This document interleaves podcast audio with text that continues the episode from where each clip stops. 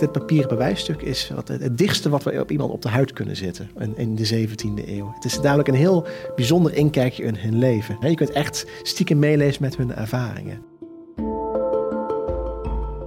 Hoi, leuk dat je met mij in de archiefkast zit. Ik ben Annemieke en ik zit hier trouwens niet alleen. Elke week zit er ook een medewerker van het Nationaal Archief bij. En die vertellen over bijzondere stukken die ze zijn tegengekomen in hun werk. En vandaag is het de beurt aan Ellen Mos. En geloof me, het zijn verhalen waarvan je nog niet wist dat je ze wilde weten.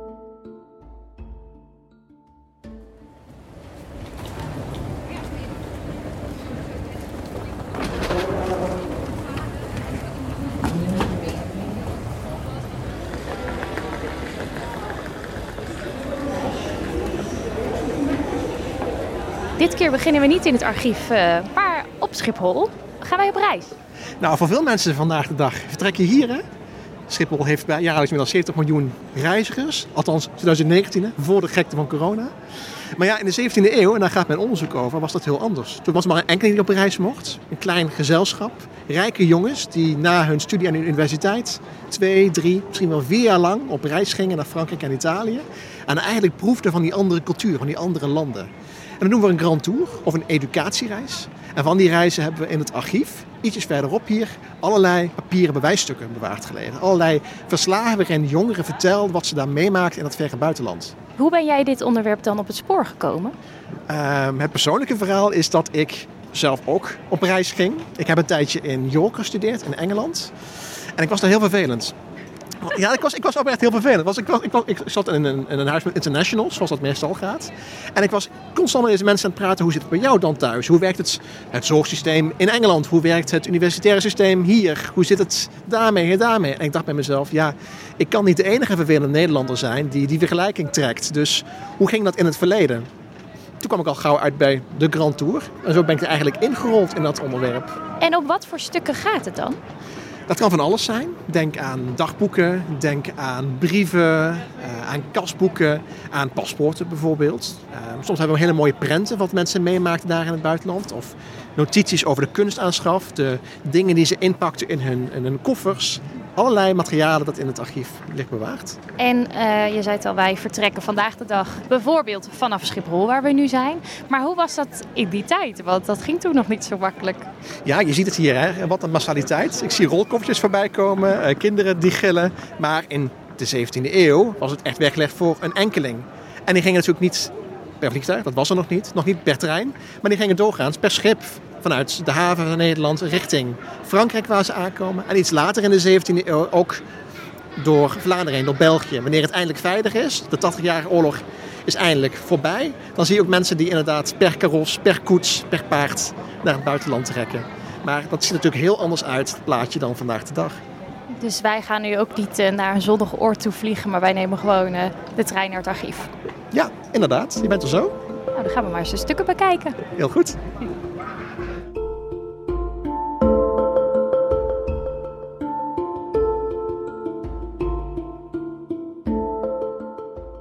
Voor mijn beeld, in welke tijd speelt dit zich af? Wanneer gaan ze op reis? Het begint ergens aan het einde van de 16e eeuw. En het loopt door de hele 17e en 18e eeuw. Een klein stukje nog van de 19e eeuw. Het is ook echt een Europese traditie. Niet alleen in Nederland wordt het gedaan, maar ook vooral in, in Engeland, hè, waar echt de adel op reis gaat naar Italië. Het wordt in Duitsland gedaan, maar ook in Polen, Litouwen, uh, Rusland, Scandinavië. Het is echt een hele grote, brede Europese traditie. En ook een beetje de voorloper misschien van de traditie die wij kennen, dat je na je eindexamen ga je op reis. Ja, je kunt het heel goed vergelijken met, met zo'n gap year, met een tussenjaar, waarin je echt uh, na het einde van je middelbare schooltijd, en je examens of tussen twee studies in een half jaar op reis gaat. Je gaat echt voor je persoonlijke ontwikkelingen, om je horizon te verbreden, ga je naar het buitenland toe. Maak er allerlei dingen mee. En het idee is dat je dan terugkomt met meer zelfkennis. Eigenlijk klaar om met het leven te beginnen, hè, met je carrière. En dat is deze jongens ook het geval. En wie maakte dan uh, deze reis? Nou, dit is echt de 1% van Nederland. Hè. Dit zijn echt uh, hele rijke families die zich dit kunnen permitteren. Um, dat zijn doorgaans echt uh, burgemeesterszoontjes. Je moet denken aan grote namen. Denk aan PC Hoofd, de belangrijke dichter, gaat op zo'n Grand Tour. Constant aan Huygens en zijn hele familie. Uh, Johan en Cornelis de Wit gaan op reis. Uh, Johan van Onderbouwenveld en kinderen. Het zijn echt wel die, die namen die je wel kent, of die op, uh, op straatnaambordjes staan, die je wel herkent. Het zijn, ja. zijn die mensen die op zo'n Grand Tour konden permitteren. Ja. En hier liggen dus allemaal verslagen van hun reis. Dat is eigenlijk een soort dagboek. Waarom moest dat vastgelegd worden? Nou, zo'n reis, je kan je wel voorstellen, dat is best wel een, een dure onderneming. Um, dat vergt ook heel veel voorbereid, voorbereiding. Je bent soms wel weken, misschien wel maanden van tevoren aan het plannen. Je moet zorgen dat je de, juiste aanbevelingsbrieven hebt, de juiste contact hebt om dat überhaupt te kunnen doen. Het kostenplaatje is ongeveer 10 gulden per dag. Nou, in die tijd was het, dagloon van een arbeider ongeveer 1 gulden. Dus nou ja, uh, reken maar uit, dit is best wel een duur plaatje wat je gaat doen. En omdat het zo duur is, wilden ouders wel verzekerd zijn dat hun, uh, hun kroost zich daar uh, gedroeg in Italië en Frankrijk. En dat ze hè, wel het, het onderste uit de kan halen van die, van die educatie daar. Ook dus om een beetje dat de ouders het konden controleren of het wel goed ging. Ja, het is echt een papieren rapport. Hè. Je moet echt kunnen zien aan je ouders van dit heb ik gedaan. Uh, ik ben heel goed bezig geweest. Ik ben echt iemand die een soort wereldburger is geworden. Ik ben heel tolerant tegenover al die rare katholieken. Maar tegelijkertijd wel een overtuigd protestant. Je moet jezelf een hele duidelijke houding geven. En dat heb ik vooral onderzocht. Hoe presenteer je jezelf nou zelf naar, naar je ouders, naar de mensen die meelezen? Dat zijn niet alleen ouders, maar ook vrienden en familieleden. Die, voor wie reis ook niet altijd was weggelegd.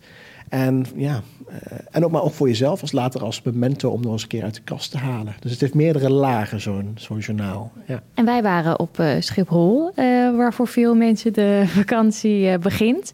Maar waar begint voor deze jonge mannen hun reis? Ze vertrekken natuurlijk uit, uit, uit hun thuisstad. Hè? Uh, vaak is dat ook Leiden, waar ze net gestudeerd hebben, net hun diploma hebben gehaald. Echt het vertrekken naar je eindexamen, zo kun je het zien.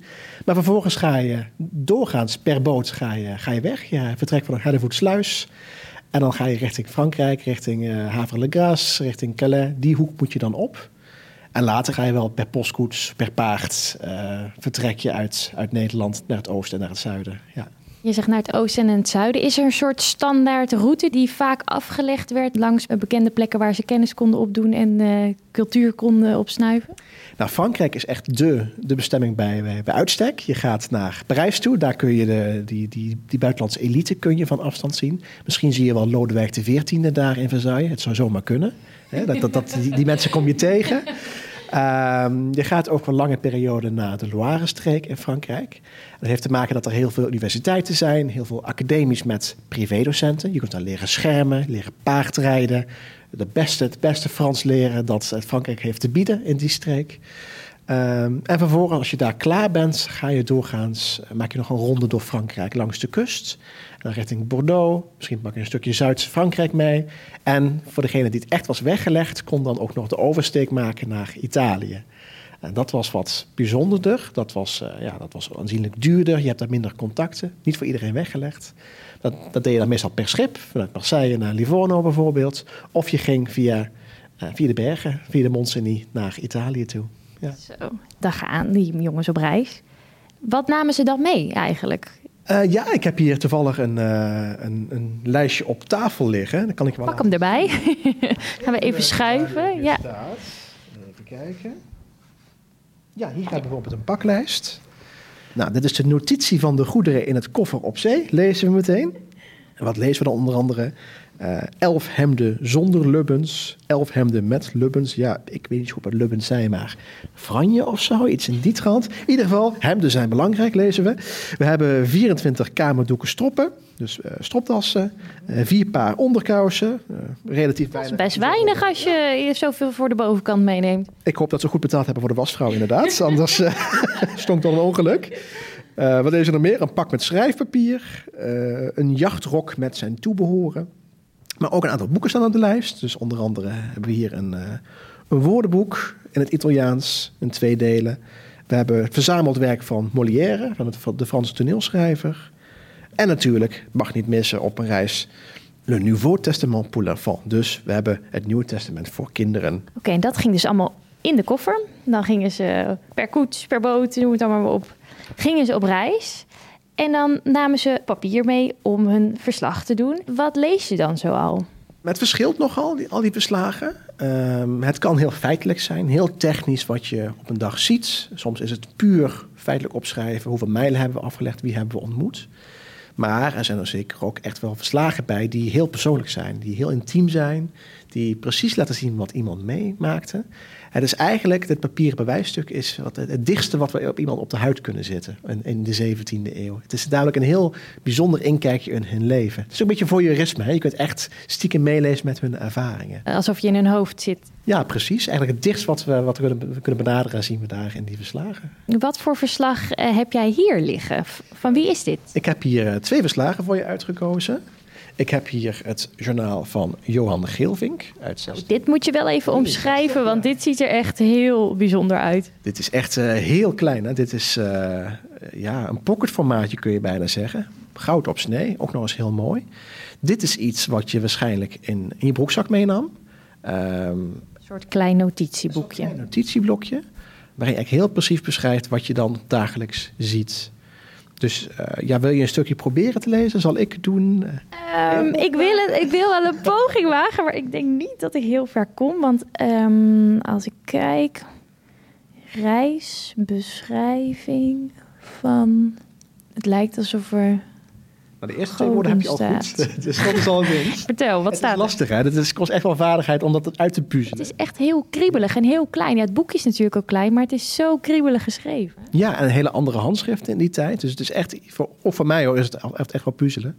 Dus we, als we lezen hier uh, reisbeschrijvingen van Johan Geelvink in Frankrijk in anno 1663 aangevangen. En dan begint dan de zaterdag, den 8 september, zijn wij s'avonds ten vier uren van Amsterdam vertrokken op Haarlem. Daar wij dus maandags ten tien des morgens van, vandaan reden. Nou ja, en zo gaat het, gaat het Dus dat door. is echt heel feitelijk van waar hij nu is. Dagboeken zien wij natuurlijk als, als, als heel, heel persoonlijk en heel privé. Maar in deze tijd is het nog echt iets anders. Het gaat echt wel over de feitelijkheden die je moet rapporteren aan je ouders. Ja, ja. Bizar dat dit uit 16 dit 63? 63 is het geschreven. En dat het gewoon hier nog steeds ligt. Ja. En bewaard gebleven is, wat mooi. En je hebt er nog één, en dat is een grotere variant. Dit is een grotere. Dit is het journaal uh, van Koenraad Ruis. Het is stiekem wel een favoriet van mij, die Koenraad. Het is een beetje een, een rokkenjaar, een uitvreter. En ook Koenraad gaat op zo'n Grand Tour in 1674. Een aantal jaar ook lang. Met zijn neef Dirk van Hogeveen gaat hij op reis. Hij bezoekt niet alleen Frankrijk, maar hij is ook echt een hele lange tijd in Italië loopt hij daar rond. Doorgaans is iets wat je misschien dan een half jaar nog kunt doen. Hij is daar echt wel een aantal jaren aan het, uh, aan het, aan het kijken naar bepaalde steden. Hij leeft op stand in Rome van een aantal jaren. En wat maakt het reisjournaal van Koenraad jouw favoriet? Nou, Koenraad is echt een uitvreter en het is een rokkenjager. Hij beschrijft heel precies dat hij uh, de, in Rome in de, in de, stad loopt en puur uit is om mooie vrouwen te bekijken. Oh, oh. is ook een affaire, denken we, in ieder geval chance met een nonnetje. Kan je dat aan mij laten zien waar dat, uh, waar dat staat? Even kijken. Dus tijdens zijn verblijf in Rome bezoekt die Koenraad meerdere keren een, een, non in het klooster. Ook echt achter, achter een raampje, achter tralies. Dus het is echt wel uh, afstand. Um, en hij, ze zijn elkaar iedere keer cadeautjes aan het geven. Bloemen, suikergoed. Um, en dan schrijft hij op een gegeven moment... Uh, zaterdag de zevende kreeg ik dus morgens een briefje van een charmante non... waarmede zij mij des avonds in de vesper en des andere daags op het feest in haar kerk zeer beleefd nodigde. Dezelfde brief was verzegeld... Uh, met anderen om haar neef van Hogeveen te zenden. En met een regaal van een grote kwantiteit pasteien van kweekperen, dus van kweekpeertjes, delen ze uit. Van haar eigen maaksel met enige blommen. Doende mij verzoeken dat ik dit in dank zou gelieven te nemen. Dat gaat door het. Jeetje, wat een taalgebruik.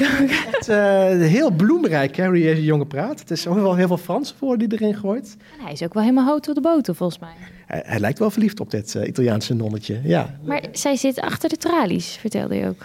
Uh, ze zit inderdaad in een, in een klooster en het wordt wel echt gecontroleerd. Uh, ze komt niet makkelijk de deur uit in dit klooster. Het is van, van, de, van, strenge, van strenge orde, inderdaad. Ja. Dus het was een kortstondige romans waarschijnlijk. Ja, en ook wel een geheime romans. Dus ze moesten wel bediendes erop uitsturen om, uh, om elkaar te communiceren. Ja.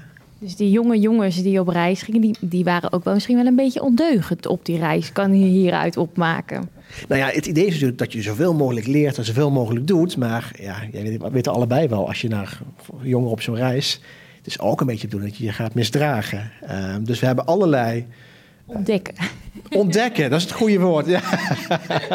Ja, je vergelijk een beetje met een Rome-reis, met je middelbare school. Je gaat naar Rome toe, je moet daar alle hè, de highlights gezien hebben. Maar het is eigenlijk ook stiekem wel de bedoeling dat jij om 11 uur s avonds uh, de deur uitsluipt... om vervolgens te bezotten aan, uh, aan Sambuca... en vervolgens in een of ander willekeurig zwembad belandt. Uh, ja. dat, is natuurlijk wel... Ja, ja dat, dat, zijn ook de natuurlijke driften van een puber, denk ik. Dat, dat is het echt, hè. En we hebben allerlei verslagen dat, dat, dat reizigers naar, naar de prostituees gaan...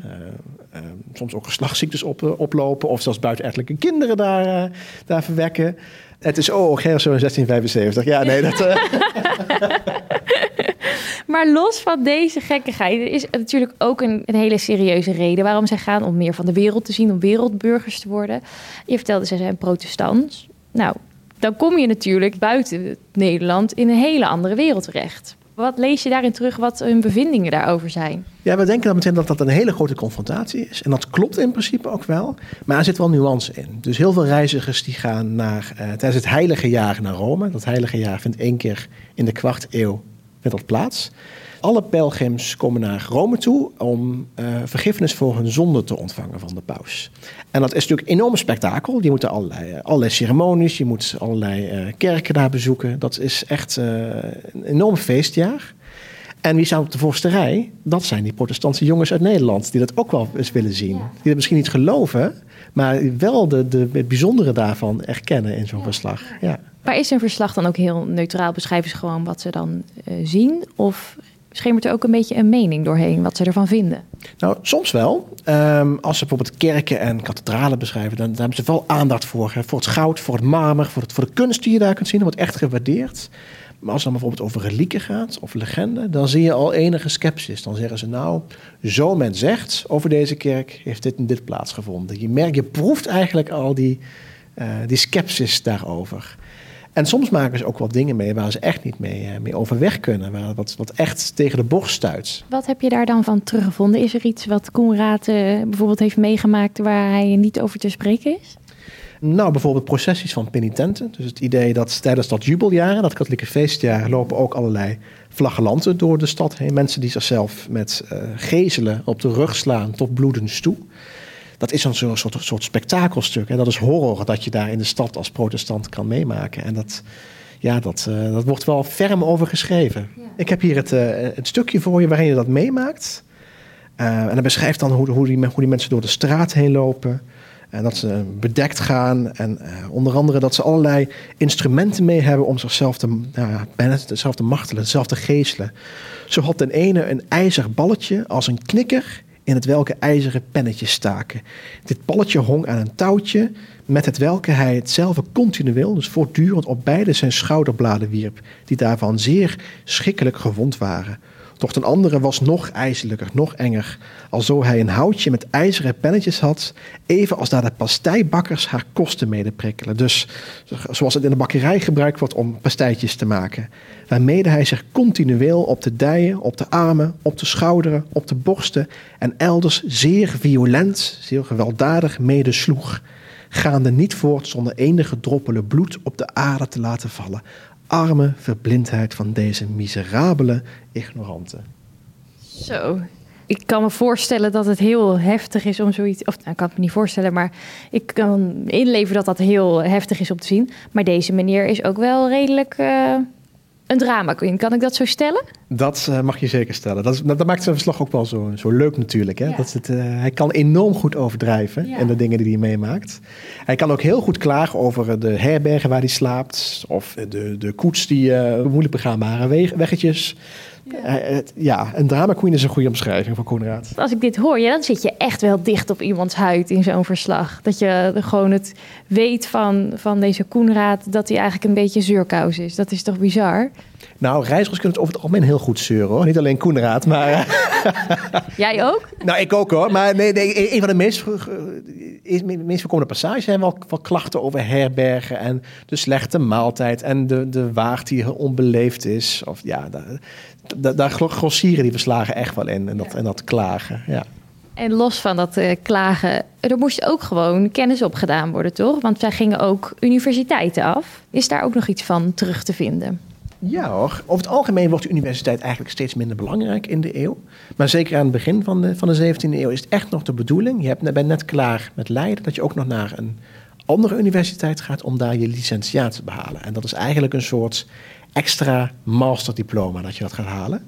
Nou, hier hebben we het uh, diploma van Koenraad Ruis, van diezelfde jongen hebben we voor ons. En dit is gewoon ja, een stukje perkament wat dubbel gevouwen zit. En daar zit in allemaal gekriegel. Kunnen we dan lezen waarschijnlijk dat hij zijn bul gehaald heeft? Ja, dat is echt die formule dit, hè, in het Latijn, dat hij uh, geslaagd is voor zijn diploma. En hieronder hebben we dan de handtekeningen van de verschillende mensen die in die commissie zaten. Hè. We hebben hier het wapen van de universiteit, staat hierboven. Van de Universiteit van Poitiers. Overigens wel bijzonder, want op dat moment was Nederland in oorlog met Frankrijk. Eigenlijk werden alle Nederlanders geweerd. Maar Koenraad wilde zo graag daar studeren in Poitiers... dat hij toch nog met een geheim paspoort de, de, de, de grens wist over te steken. Nou ja. En daardoor wow. eigenlijk zijn hoogleraren moest, uh, moest omkopen... om er toch die bul te kunnen halen. Oh, wow, wat bijzonder. We denken nu altijd, wel, daar moet je misschien wel maanden, jaren voor studeren. Nou, zo'n zo'n bewijsje, dat haal je eigenlijk in de middagtijd. Want je hebt, ja, je hebt in Leiden heb je al gestudeerd. Je hebt daar eigenlijk al alles afgerond. Dus je gaat daar naar diezelfde universiteit toe in het buitenland. En daar kies je nog even een onderwerp uit wat je heel goed kent.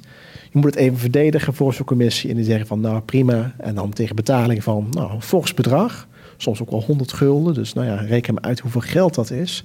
Had je vervolgens een extra papieren bewijs dat je kon laten zien aan, je, aan het thuisfront. Van kijk, dan heb ik daar ook nog eens een keer weten te scoren. Nou, het kostte dus ook best wel wat geld deze reis. Hielden ze dat dan ook uh, een beetje bij? Ja, doorgaans worden er echt wel kasboekjes bijgehouden. Die stuur je mee met, met je brieven naar het thuisfront. Dat je ouders er even goed naar konden kijken of het allemaal wel uh, al in orde was eigenlijk. Er zijn er best wel veel bewaard gebleven. Onder andere van de broers Johan en Cornelis de Wit hebben we daar hier in het Nationale Archief een kasboekje van. Een leuk voorbeeld vind ik altijd is Johan Huidenkoper. En dat is iemand die uh, constant met zijn vader in de clinch lag, omdat hij zijn leefgeld wilde ophogen. Hij had een, uh, een toelage van 10 gulden per dag. Dat was uh, zeker niet mis in die tijd. Maar hij is zijn vader constant aan het schrijven van... ja, ik moet hier in Frankrijk leven als een bedelaar.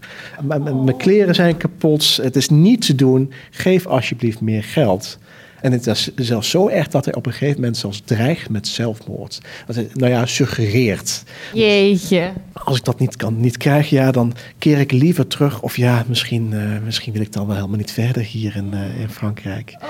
En uiteindelijk is hij wel zo slim om dan zijn zus aan te schrijven. Met van, ik, ik ben hier zo ongelukkig hier in Frankrijk. En die zus gaat dan op hoge poten naar papa toe. En die weet dan toch voor elkaar krijgen dat zijn leefgeld wordt opgehoogd ontzettend sling. Is echt een uh, ja, two-faced. Dat is het Engelse woord. is echt, tegen de vader is, hij, ook, is hij heel braaf, is hij heel, uh, ja, heel, beleefd. En tegen vrienden ja, is hij, schrijft hij heel andere dingen op natuurlijk. Dus het is echt wel leuk om dat, dat te kunnen lezen. Maar het leuke is, we hebben ook zijn, zijn kasboek. En daarin kun je dus precies lezen wat hij zoal uitgaf. En dan kun je afvragen is hij dan zo goed bezig met, met de juiste uitgaven? Want dan staat er ook in zijn kasboek. Ik heb dit met, met gokken verloren. Of ja, dit bedrag van 10 gulden. Nou, dat is uit mijn zak gevallen. Ja, ik weet niet zo goed waar ik het aan besteed heb. En ja, dat hebben we ook allemaal genoteerd. En dat, dat geeft wel een goed perspectief dat papa waarschijnlijk wel uh, heel goed wist dat zijn zoontje de, de kantjes ervan afliep daar in het buitenland. Die eh, gaf zijn geld aan hele andere dingen ja, uit dan uh, normaal levensonderhoud. Absoluut, ja. Waarom moet dit uh, bewaard blijven? Want ik snap. Uh, of waarom is het eigenlijk bewaard? Laat ik daar beginnen. Um, uiteindelijk uh, is het heel veel in familiecollecties terechtgekomen. Hè. Dus er zijn nazaten die in de, in de 18e en 19e eeuw bedachten: Goh, we hebben nog heel veel papier op zolder liggen van al onze, onze voorvaderen. Laten we dat bundelen. En dat is door de eeuwen heen hier in het Nationale Archief, maar ook in regionale archieven terechtgekomen. Daarom hebben we dat nog. En het geeft eigenlijk een heel bijzonder en een heel persoonlijk inkijkje in de levens van, ja, van mensen 300 jaar geleden. Je kunt precies meelezen wat zij, wat zij meemaakten en wat hen, wat hen bezig hield daar op zo'n reis. Dichterbij kan je eigenlijk niet meer komen. Nee, eigenlijk niet. Nee.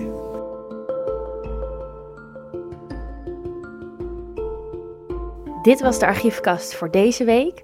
Dankzij Ellen Mos weet je nu alles over de Grand Tour. En uh, voor nu gaan we dus de deuren weer even sluiten. Maar er zijn nog genoeg verhalen om te vertellen. En er liggen nog genoeg parels die onontdekt zijn. Dus volgende week zijn we er weer. En dan is het de beurt aan Max Bosgaard. Dat is mijn broer. En waar we het over gaan hebben, dat is nog een verrassing. Dan moet je volgende week maar luisteren. Tot dan!